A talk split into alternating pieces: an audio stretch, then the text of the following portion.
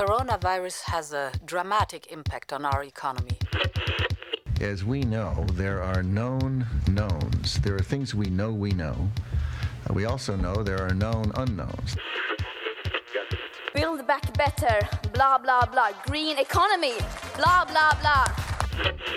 In diesem Sinne kann ich sagen, ja, äh, wir sollten alle Feministen sein. This footage from Al Jazeera purporting to show Taliban fighters inside the presidential palace declaring the Islamic Emirate of Afghanistan. I have a peculiar medical condition, which is that I don't sweat. I think it's a filter. It, And the- it is, and I don't know how to remove it. Not, I'm not a cat.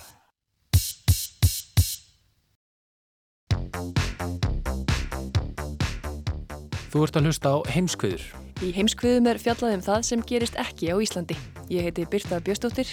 og ég heiti Guðmundur Björn Þorbjörnsson.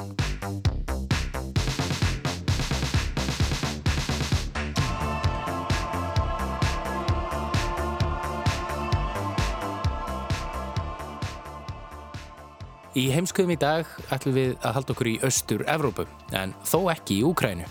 Úkræna kemur samt í sögu í öllum umfyllunaröfnum dagsins eða ekki. Jú, tölvert. Í síðar hluta þáttarins ætlum við byrta að ræða um kostningasegra þeirra Viktors Orbán og Alexander Vucic, leðtoga Serbíu og Ungverðarlands, en þeir unnu frækna segra um síðustu helgi.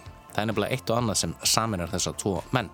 Rétt, en við ætlum að byrja á nýri rödd í heimskviðum. Já, næst ætlum við að heyra ferðasögu Arnars Þórs Ingólfssonar, bladamanns á kjarnanum, sem við fengum lánaðan þessa vikuna. Arnar Þór fór til Póllands nokkra daga undir lok marsa á vegum kjarnans til þess að miðla sögum af vettfangi. Frá flóttafólki frá Úkrænu, frá sjálfbúðaliðum í Póllandi sem hafa lagt sitt að mörgum til að taka á móti þeim gríðarlega fjölda fólks, aðalega kvenna og barna sem hafa flúið stríðið í Úkrænu. Hér heyrum við ferðasögu Arnars Þórs Ingólfssonar.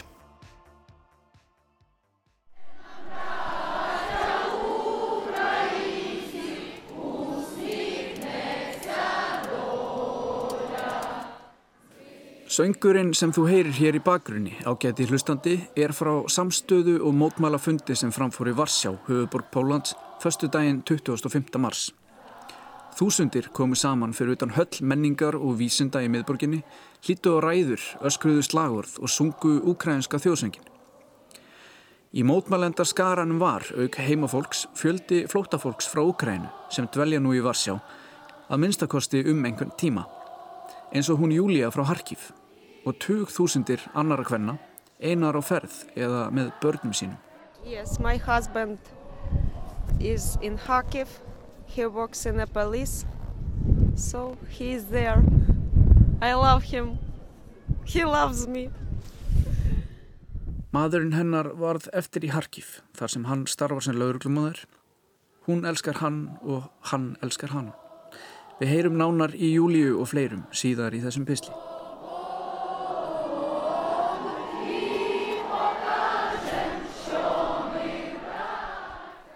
Fljótlega eftir ég kom til Varsjár fekk ég óvænt bóð um að fara suð-austur að landamæðurum Úkrænu og eftir smá umhugsun þá ákvaði ég að slá til.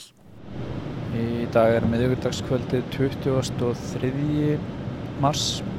Ég sitt hérna í bíl á leið frá Varsjá að landamærum Pólans og Ukrænu með tveimur mönnum sem ég hitti fyrst í morgun. Þeir eru bóðir sjálfbúðarlegar hér, einn er pólskur og annar er franskur. How? It's 5 hours 20 minutes. Hey! Alright.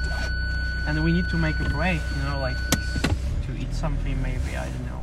Í nótt ætlum við að gista í sumarbústað af einhverju tægi sem að er nálagt pólsku borginni Medica sem er á Á leiðinni á landamærin mjölu við varir við hérna ímsu hópa sem voru á ferðinni með hjálpargögn til Úkrænu eða á leið til sjálfbóðastara.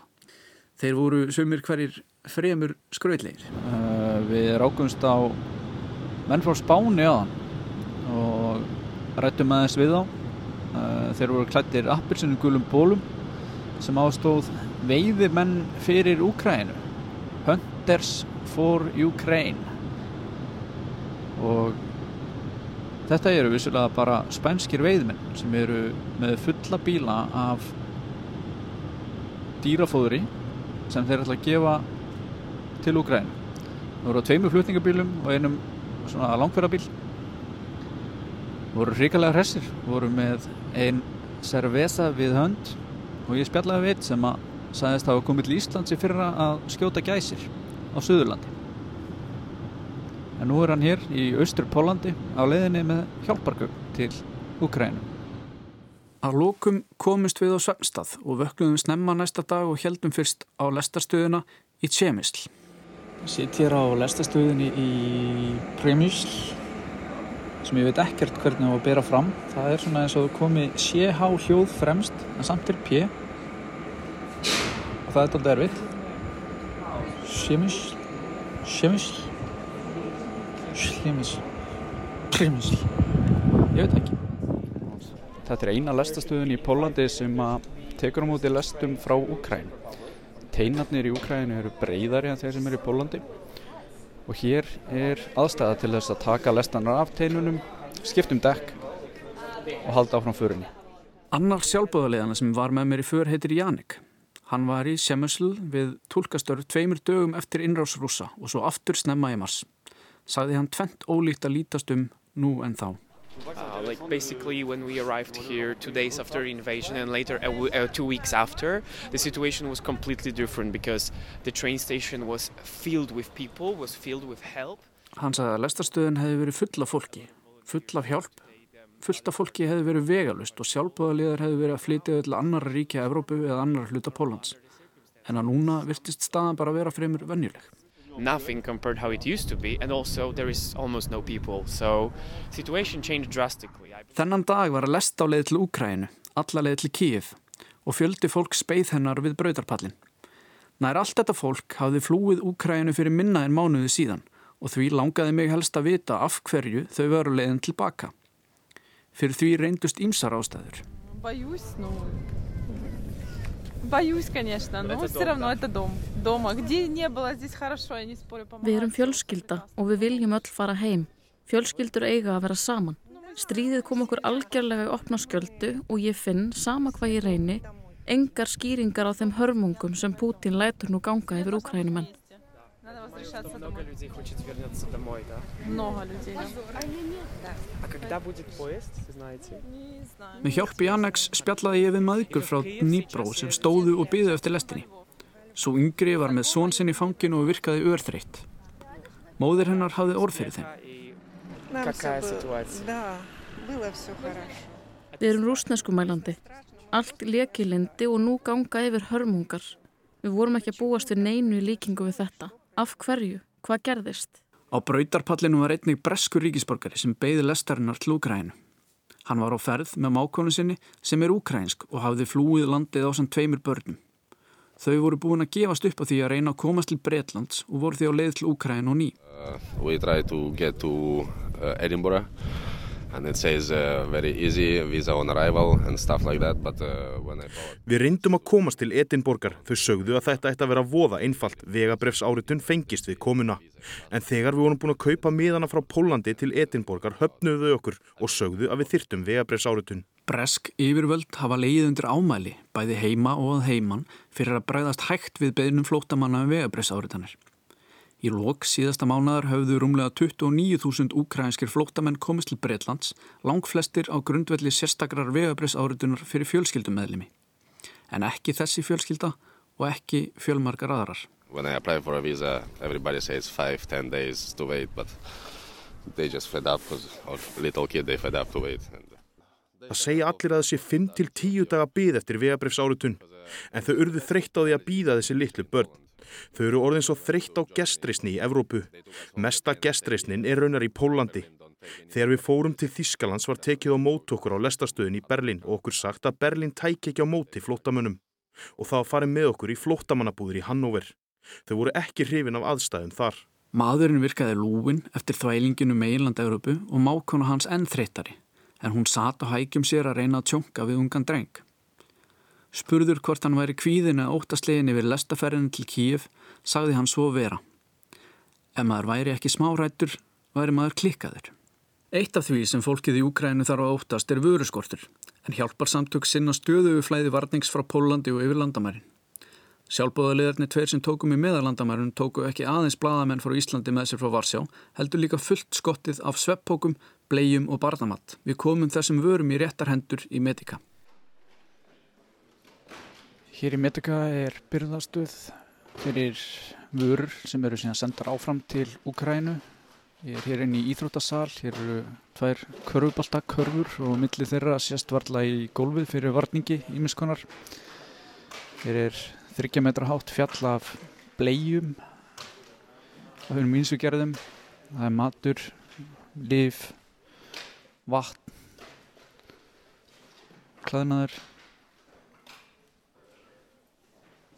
og ímislegt fleira Við landamæra stöðinu var stöðugur ströymur fólks að koma frá Ukrænu Það hefði sumt verið lengi á ferðalagi. Can I take you a photo of you? Oh, no, no, oh, no. just because uh, I didn't wash my head ah, like three days. Okay.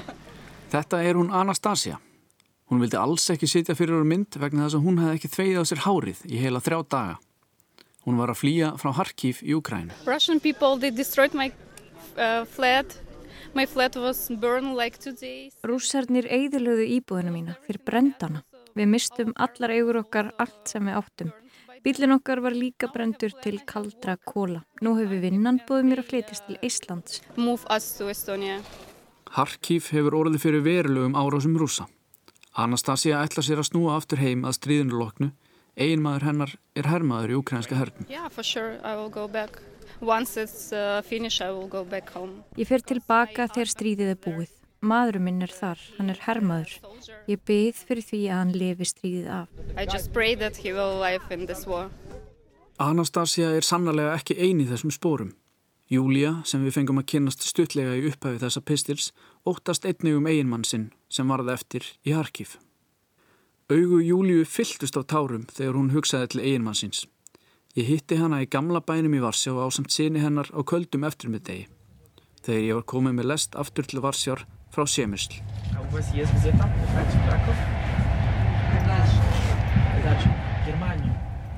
Úkrænskar maðgur sem ég dildi klefa með í lestinni sögðust ætla að hugsa um fyrirhauðaða för sína til vinafólks í Þískalandi sem frí en það er sennilega erfiðar fyrir Júliu og són hennar. Sum hverfin í Harkív eru núna er alveg mannlaus og stór skemmt eftir árasi rúsa. Fjörskildan fór ekki varhluta af því. There were bombs. We hear it. Uh, we saw it. Uh, my, Þar sem við byggum heyrðum við í sprengjónum og sáum þær. Í herbyggja svona mín sprotnaði glukkin. Heima hjá mömmu ringdi sprengjum niður. Það lendi þrjára húsun hennar. Húsi var rýmt og hún flutt út fyrir borgina í skjól. Hún grætur á hverjum degi. Uh, there were three bomb, bombs in her house. She was evacuated to Kharkiv region. She cries every day. Hún og sonur hennar flúðu Harkív akandi allaleið til borgarinnar Lviv í vesturhluta Úkrænu. Ferðin þangaði rúmir þúsund kilómetrar og sóttist þeim hægt, tók fjóra daga allt í allt. Í Lviv voru maðginnin í sex daga og settust síðan upp í rútu sem fluttuðu beint til Varsjár, þar sem þau fengu inni á heimili sjálfbóðaliða sem hjálpuðu þeim við komuna til borgarinnar. Uh, we don't know. Volunteers uh, said that we may stay here till summer. Við veitum ekki hvað er verðum hérna lengi. Sjálfbóðaliðarnir sögðu að við mættum vera hérna fram á sömar. Við búum inn á þeim og þau eiga tvö börn. Fjölskyldan er mjög góð og eindæl.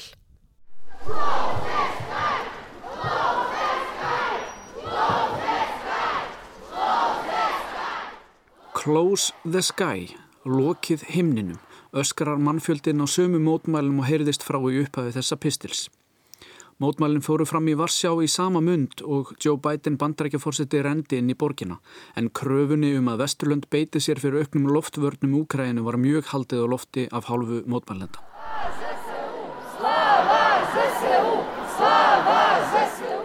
Fyrr í þessum pistli sagði brettin við lestarteinana að í Európu væri gesturistnin í gardu Úkrænum manna mest í Pólandi.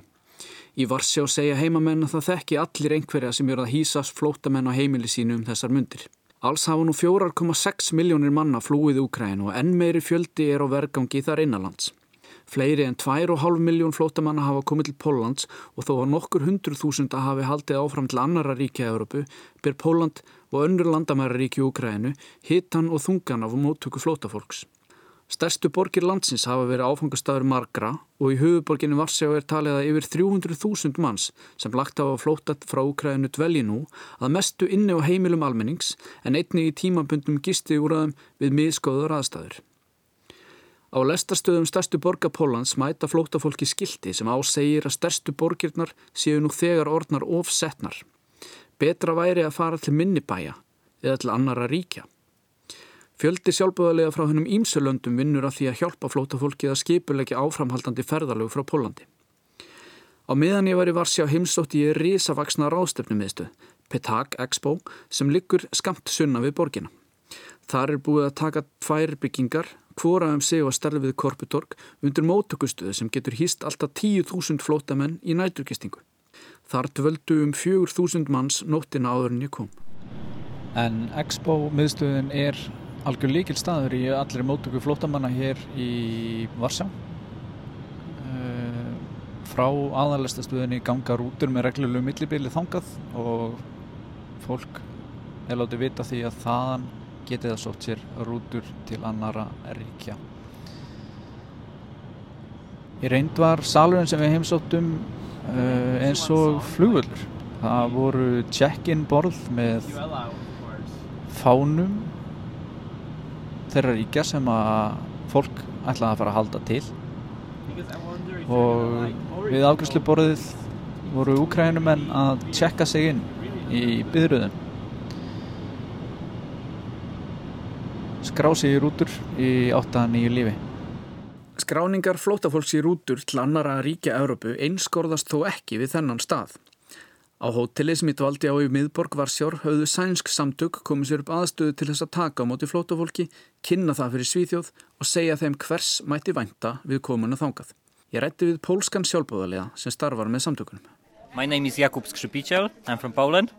As you know in Poland uh, we are hosting right now over 2 million of the refugees. Í Pólandi erum við núna að hýsa um 2 miljónir flótamanna. Póland einfallega ræður ekki við þennan fjölda. Við þurfum að finna þeim örugt skjól utan Pólans. Þetta var fyrsta bylgjan sem kom hingað og með við gangstríðsins mun því ekki ljúka fljótlega. Við verðum að sjá til þess að það sé laust pláss í Pólandi til þess að við getum tekist á við aðra bylgju sem ég held að því miður muni koma. Katarsina Skopjek, stjórnandi mannúðarsamtakana Humanos, hefur undanfærin ár aðstóða flótamenn í Pólandi, meðal hans fólk sem hefur flúið ofsóknir í Kvítarúslandi. Hún segist á orðið þess áskinni að þörf sé fyrir betra upplýsingaflæði til flótafólks sem stattir í Pólandi um hvernig þau geti komist til annara landa og hvað býður þeirra þar. Because for example just recently my friend posted uh, information that you know on one hand some Fyrir nokkurinn dögum síðan sagði vinni minn mér að sumir úkrænumenn væri að fara aftur til Úkrænu bara vegna þess að það væri ekki hægt að finna nætt stað hér. En á sama tíma vissi hann til þess að hálf tóm rúta væri á leiðinni til Noregs. Ég held að þessi skortur og upplýsingum um þetta og ég vil reyna að beita mér í því. Jakob segir að þeirra aðalstarfi var sjá sig að kynna flóta fólk fyrir svíþjóð og hvers megi vanta við komuna þángað. Yes, we, we our. Uh, við erum að skipilegja ferðinar okkar í samstarfi við sveitarfélög og flottamannastofnum svíþjóðar svo að þau eru tilbúin að taka á mótið þeim. Við erum ekki einfallega að flytja fólkið, heldur mætti kalla þetta heldar pakka hjálpar Það er það sem þau þurfa. That's what they need. And maybe we will have power to explain them, maybe go for, you know, six months to Portugal or six months. Við getum útskýrt fyrir þeim að það væri kannski gott að fara til Portugal í sex mánuði eða í sex mánuði til Noregs eða Svíþjóðar. Þau eru hrætt og vilja ekki fara svona langt, en kannski ef við finnum gott fólk til að útskýra þetta, geta þau litið á þetta sem frí. Sumir þeirra heimamanna sem ég rætti við í Varsjá söðust óttast að góðvild almennings í garð úkrænumanna myndi smám saman dvína. Katarsína sagði að viðbröð pólsks almennings hefðu komið henni mjög á óvart til að byrja með. So, you know,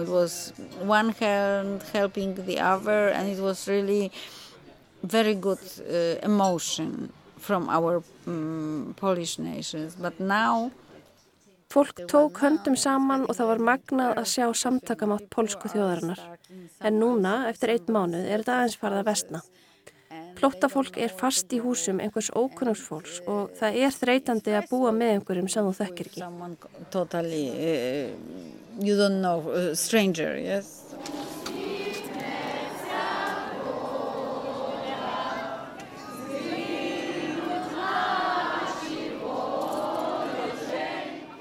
Vonir allra að standa til þess að stríðið í Úkrænu taki enda sem fyrst og drápum og eigðileggingu rúsneska hersins linni.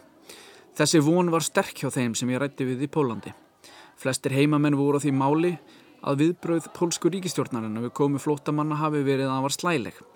Enda hefur ríkið nær enga reynslu á því að taka móti flótufólki og hefur sínt til þess afarlítinn vilja á liðnum árum. Viðbröðin við komu flótafólks til landsins hafa nær engungu verið í höndum almennings, örþreytra sjálfbúðaliða og svo sveitarfélaga sem bera til dæmis hitan á því að reyna að koma hundruðum þúsunda úkrænskra barna inn í skólakerfið. Í Varsjá einni og sér nefnur fjöldi barna og ungmenn sem þurfa að komast í skóla nálagt hundrað þúsundum. En hvað ef þessi martröð verður allt annað en tímabundin og flótafólki sem pólverjar hýsa í dag mun ekki geta snúið heim um lengri tíma? Og hvað ef þeim sem þurfa að flýja til vestursundan stríði rúsa fjölgar um margar miljónir til viðbútar? Þá stöðu er reynlega erfitt að gera sér í hugalund.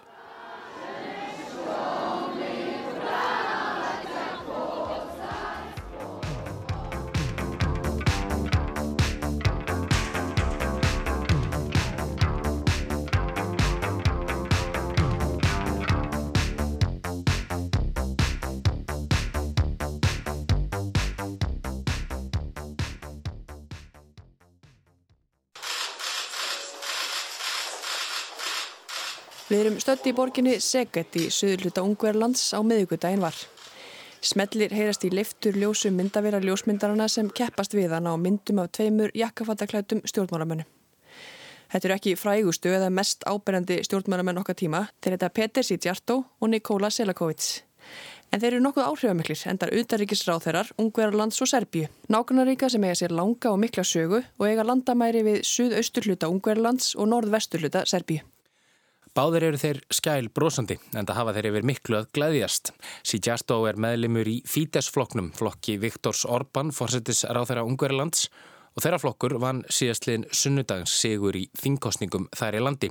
Örugan sigur meira að segja, rúmlega 50% kostningu sem þýðir að flokkurinn getur myndað hreinan meiri hluta á ungarska þinginu. Og fagnaðarefni Selakovic er heið sama og Sijastos en flokkur hans, serbneski framfaraflokkurinn SNS, treyði sér örugan sigur í almennum kostningum sama dag, sunnudaginn síðasliðin. Í serbísku kostningunum kusu kjósendur sér fórseta til þings og til sveitastjórnar allt í sömu kostningunum. Kerfið er aðeins aðskildara í Ungverðlandi en þar er fósettisaráðran Orban með töklu og haldir á meðan það er fósettin í Serbíu, Aleksandr Vucic, sem er þar innsti koppur í búri. Og þeir eiga, eins og við erum eftir að koma stað síðar í þessari yfirferð, eitt og annað sameiglegt. Fundurinn í Seget á miðugudag melli utaríkisráðherrina Sitjartó og Selakovic var því engin tilviljun. Að loknu handabandi og myndatöku hófust fundarhöldin og þar skeggrætu kollegarnir um eitt og annað meðan annars þá staðreinda viðskipti ríkjana á milli hafa tvöfaldast frá því í janúar og svo rættuðu líka um áframhaldandi uppbyggingu lestarteina milli Belgrad og Budapest.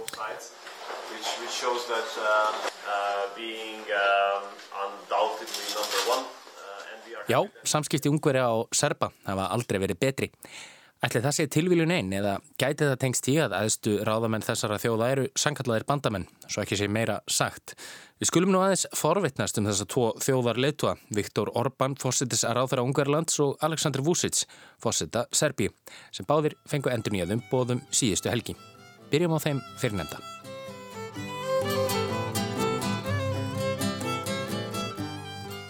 Viktor Orbán er 58 ára, giftur og fimmbarnafaðir. Engin af þeim staðrindum er þó ástæða þess að hann vilja umfyllunar hér. Heldur er ástæðan svo að hann hefur verið einn aðalleikarinn í stjórnmálum í Ungverðlandi undarfarna áratvíi og formaður stjórnarflokksins Fidesz frá 1993. Stjórnmálaferill hans hefur þó reyndar ekki verið eintóm óslitin sigurganga frá upphafi. Eftir síðari heimstyrjöld var landið undir stjórn kommunista, allt til hruns Sovjetríkjana. Ungverðarland varði kjölfæri líðræðisríki og gekk í Evrópusambandið. Viktor Orbán var þá orðin þingmaður, kom úr stúdendarhefingu sem síðar varð stjórnmálaflokkurinn Fídes. Flokkurinn sá hefur reynda tekið umtalsverðin breytingum í tímans rás. Þarna í árdaga var Evrópu samrunni einnað aðal áherslu flokksins sem síðar hefur þróast yfir í hægri sinnaðan þjóðurnisflokk. Hugmyndafræði sem hefur einkent síðustu kjörtíma Bill Orbáns. Hann var fyrst fósettisráðara landsins árið 1998 eftir kostningar Sigur Fídes. Það gekk hins vegar ekki eins vel í kostningunum sem á eftir komi. Flokkurinn tapaði fylgi sínu árið 2002 og Orbán leta vembætti fósettisráðara. Stjórn Sósialista treyði sér fleiri atkvæði í kostningunum 2002 og 2006 en eftir það fór gaman eða kárna hjá þeim. Í kostningunum árið 2010 vann Fídes flokkurinn stórsigur og síðan þá hefur formaður flokksins og fósettisráðurann Orbán setið á valdastóli. Og í vikunni treyðan sér svo enn eitt kjörtíma bilið á valdastóli.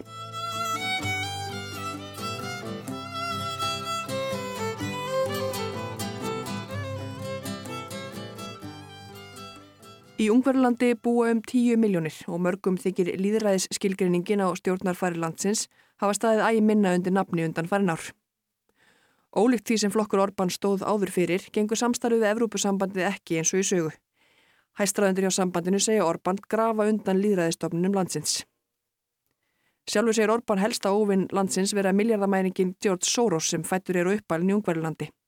Orbán segir Soros á bakvið eitt allsera samsæri gegn Ungverðurlandi.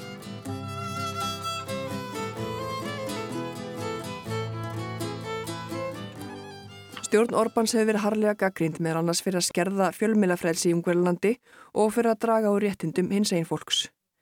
Þetta fyrirnemda er það sem stjórnar andstæðingar nefna eina af helstu ástæðum þess að illa gekka að koma Fídes-flokknum frá völdum í nýjafstöðunum kostningum.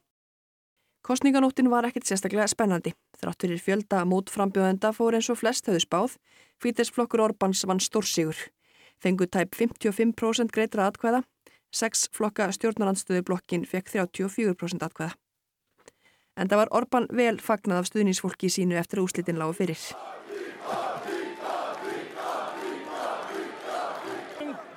Stjórnarandstæðan var ekki bara óanað með kostninga úslitin, þau höfðu margar aðtöðarsemdir varandi kostninga baróttuna. Petter Marki Sæ sem er í forsvari fyrir stjórnarandstöðublokkina sagði áróður hafa tryggt fýtasigurinn, ekki heiðarleiki. Uh, yes, the results prove that uh, with this, uh, within this model we cannot defeat Orban. Within his own rules, it's impossible. Úslitin sanna að við núverandi skipulega áttu við ekki möguleika, segir hann. Það er ekki hægt að vinna Orban ef það er engungu leikið eftir hans reglum. Um 200 óháðir eftirlitsaðilar syndu kostninga eftirlit í Ungverðlanda þessu sinni sem er nú ekki algengt þegar Evrópusambandsríki eiga í hlut. Hér heyrðum við Gillian Störk hveða upp dóm eftirlitsaðila en hún fóru fyrir eftirlitinu fyrir hönd öryggis og samvinnustofnunar Evrópu. The 200 short-term uh, observers from ODIHR reported that voting was well organized, orderly and calm. Voting procedures were largely uh, respected and election prepar preparations were managed professionally and efficiently. Voters had distinct alternatives among the contestants and were largely able to exercise their suffrage. Uh, political parties and civil society expressed overall confidence in the accuracy of the voter register. Sem sagt í stuttumáli þetta gekk allt vel. Kostningarnir fóru vel fram og voru vel skipulaðar. Kjósendur hafðu greiðan aðganga kjörkleifunum og valmiðli frambjöðanda var skýrt. Kjörskráin stóðst skoðun og tiltrú almennings almennt mikil á áriðanleika ferðlisins.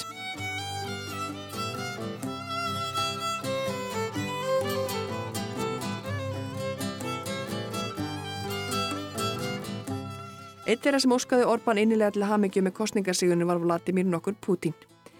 Í hamingjóskunum orðaði Putin einni ósk sína um að Löndin 2, Ungverðurland og Rúsland heldur nú áfram að styrkja gott sambandsitt þrátt fyrir erfiða stöðu á alþjóðasviðinu.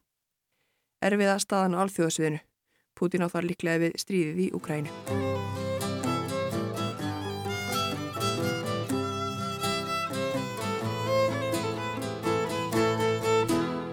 Í þakkaræði sinni beindi Orban meðal annars spjótum sínum að bjúrókrötunum í Brussel og fósita Úkrænu og Lótumir Selenski og kallaði hópin andstæðinga sína. Selenski hefur einmitt ekki vandað Orban hveðunar frá því að stríði í Úkrænu braust út, meðal annars vegna þess að Orban setti bann við vopnaflutningi yfir til Úkrænu. Löndin 2, Ungverland og Úkræna deila um 140 km langum landamærum. Orban hefur tekið þátt í refsiðagjörðum Evrópusambandsríkja gegn rúsum og þá hafa Ungverja tekið á móti meirinn hálfri miljón flottamanna frá Úkrænu undan farna vikur. En Orban hefur hins vegar verið afar spara fordæmingu og aðra almenna gaggrinni á ákverðin Pútins að ráðast inn í nágrannlandið og hann hefur líka sett sér upp á móti því að nokkrar hömlur verði settar á gas og oljuðsendingar frá Rúslandi.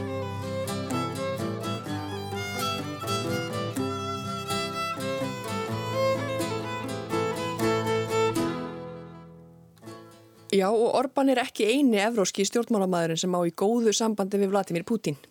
Næst vikur sögu okkar á öðrum slíkum fórsetta Serbju Aleksandr Vucic. Eins og Orban vann flokkur Vucic stór sigur í kostningum liðinarhelgi þar sem Vucic endur nýjaðu umbóðsitt í næstu fimm ára. Þegar úslitin voru ljós þakkaði tárvotur fórsetin serbneskum kjósendum tröstið. Ogromnu ljubav i da kažem da sam ponosan na našu kampanju što je bila najčistija i najlepša Vucic bætti því við að hann ætti erfitt með að halda aftur tárunum þó það væri óviðegandi fyrir manna og hans aldrei að gráta. Það skal látið ósagt hér hvort rúmlega 50 menn megi ekki gráta en bakgrunnur Aleksandr Vucic ætti þó að gefa okkur vísbendingu um að tár og tilfinningarsemi og opin umræðum að karlmenn þurfa að vera meiri tilfinningaverur sé honum ekki ofarlega í huga. Vucic fættist í Belgrad árið 1970 og hóf stjórnmára ferir sinn 1993 þá 23 ára þegar gekk til liðs við serbneska róttekniflokkin SRS, flokkur sem var lengst á hærivægnum og aðhildist serbneska þjóðverðnishyggju. Yfirlýst markmið flokksins var að stuðlað framgangi hennar svo kulluðu stærri eða mikilfengleri Serbíu, veð líka Serbia. Hugmyndin var að búa til serbnest ríki þar sem öll þau er tilherðu eða álitu sig serba væru hluti af. Þar sem flokksmenn álitu stærri Serbi nær í dag yfir öll fyrrum ríki í Júgoslavi fyrir utan Slóviníu og hluta af Kroatíu í vestri. Tveimur árum síðar var Vursitsorðin formaður flokksins en eins og glöggir átta sig á gesaði stríð í Júgoslavi á þessum tíma. En við stríðslokk 1995 var landinu skipt upp og varð Vursits ráþæra upplýsingamála í Serbi og Svartfjallalandi sem þá hétt í ríkistjórn Slobodan Milosevic. Það er því engum blöðum með það að fletta að Vucic var og er sannur þjóðurnisinni.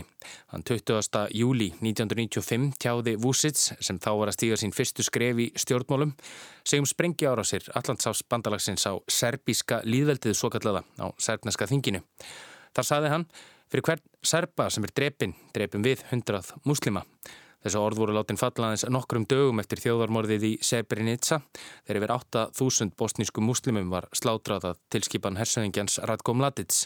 Árum saman held Vucic uppi vörnum fyrir Mladic sem var svo árið 2017 fundin segur um stríðskleipi, gleipi gegn mannkinni og þjóðarmorð. Árið 2008 skipti Vucic um lið og gekti liðs við hinn þá nýstopnaða serbneska framfaraflokk og var fljóðlega gerður að liðtóa flokksins. Í viðtali árið 2012 Saði hann að hann viðurkendi nú að í Srebrenica hefði verið framtir hræðilegir glæpir og hann muni ætið skammast sín fyrir þá serpa sem þar átt í hlut. Ég frekki í grákutur með það að skoðun mín hefur nú breyst og ég er stoltur að því, saði hann þá. Þessu umæli verið til þess að vinsaldir hans í Serbíu júkust og árið 2012 var hann fyrst kosin fórsiti Serbíu. Hann var fórsitisar áþæra frá 2014 til 2016 og svo aftur 2017 þar til hann tók aftur við ennbætti fórsita sem hann mun gegna allavega næstu fimm árin eða svo eftir kostningasigurinn um síðustu helgi. En þótt Vucic hafi dreyið land með skoðun sína á stríðskleipum Ratko Mladic og félaga í stríðinu í Júkoslavi er hann ennþá harður þjóðurnisinni. Þrátt fyrir það hefur hann sótt það fast að Serbia gangi í Evrópusambandið líkt og vina þjóð þeirra í norðri Ungverjaland. Árið 2015 hófust viðræðir millir stjórnvalda í Serbíu og Evrópusambandsins og eru þær ennþá í gangi. Stærsti ásteytingarsteinin er hins vegar Kosovo sem lísti yfir sjálfstæði frá Serbum þann 17. februar 2008 sem jók ekki á vinfengi millir þjóðana. Í mars á síðasta ári gaf Evrópuþingið út á álegtun að enganga serpa í Evrópasambandið ráðist af stórum hluta af því hversu góð tengsl síðu millir Kosovo og Serbíu, hvað svo sem það kann að þýða. En það er annað atriði sem geti haft áhrif á engungu serpa í Evrópasambandið og það er vinfengi Vucic við Vladimir Putin og gott viðskiptarsamband Rúslands og Serbíu.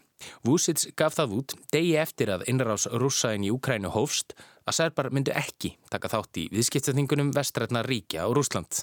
Og í siguræðu sinni á sunnundag áreittaði hann einmitt þetta og sagði að serbar ætluð sér að halda áfram sínu góða sambandi við Rúsland. Sigur Vucic kemur á sama tíma og rúsneska hernum er gefið að söka hafa myrt, nöðgað og svívirt hundruði almennara borgara í borginni Búcha. Þegar Sigur Vucic var ljós, sendi Vladimir Putin Rúslandsfósetti honum skilabóði gegnum samskiptaforritið Telegram. Í því stóð, ég ætlast til þess að þú munur halda áframaðalegja þitt af mörgum við að styðja og styrkja okkar góða samstarf. Já, serbar eru nefnilega nær algjörlega háðir rúsum í orkumólum og þá eru góð tengsl mellir þeirra sem fara með hernarmál í löndunum tveimur. Þá hafa stjórnöldi Moskvu stutt serba í andstöðu sinni við sjálfstætt ríki í Kosovo og komið í veg fyrir með neitunumvaldi sínu að saminuðu þjóðunar viðurkenni sjálfstæði landsins. Serban hafa þó ekki með öllum látið það óátalið að fordama innrás rúsa í Úkrænu. Það hafa Vúsits og hans fólk gert. En orðum virðast þó ekki fylgja endir, enda sem fyrr segir taka serbar engan þátt í viðskiptatningunum gegn rúsum. En þessi loðna afstafa gagvart einrás rúsa í Úkrænu er aðeins eitt af því sem tengir þá félaga saman, Orbán og Vucic. Eitt af því eru ásaganir um skort á gagsægi. Bara núna í vikunni voru hávar mótmæli á gödum Belgrad þar sem yfirkjörstjórn í Serbíu greindi ekki frá niðurstöðum fyrstu talningar atkvaða sem hefur vakið upp grunnsendir um gagsægi kostningana. Og ásakanir um skort á gagsægi eru ekki nýjar af nálinn í Serbíu. Stjórnarnarstöðuflokkar í landinu sníðgengu þingkostningar þar fyrir tveimur árum, sögum þess að hún taldi áhrif og ítök ríkistjórnar Vúsits á fjölmila, væri einfallega of mikil og möguleikin á frjálsum, gagsægjum og réttlátum kostningum væri óhugsandi. Og svo er þeim eitt fjölmiðlarnir og frjálsu félagsamtökin. Rétt eins og Orban í Ungarlandi hefur Vúsits hægt og bítandi dreyið úr mætti frjálsra fjölmiðla og félagsamtaka. Hann hefur leiðindir ámæli fyrir að sína tilbyrði innræðis og spillingar, ásakanir sem hann jú auðvitað neytar harðlega. Želim da se zahvalim na jednom toplom i srdačnom dočeku i gostoprimstvu ovde u Segedinu. Við erum komin aftur á fund utaríkisráðurinnar Sítjarto og Selakovic í Segred á miðugudag. Petter Sítjartó, utaríkisráður Ungverðlands, ávarpar blaðamenn. Ez a két nagy történelmi győzelem Szerbiában és Magyarországon világosan bizonyítja, hogy helyes döntés.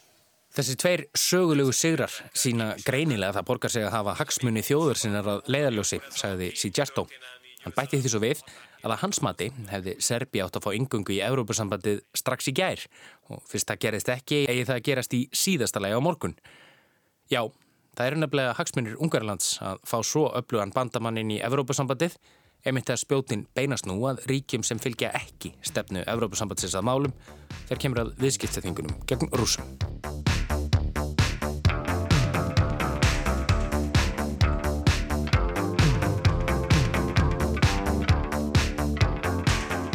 Þetta verða loka orðin í heimskuðum þessa vikuna. Við þökkum áherdina og heyrumst aftur eftir páska. Gleila páska. Gleila páska.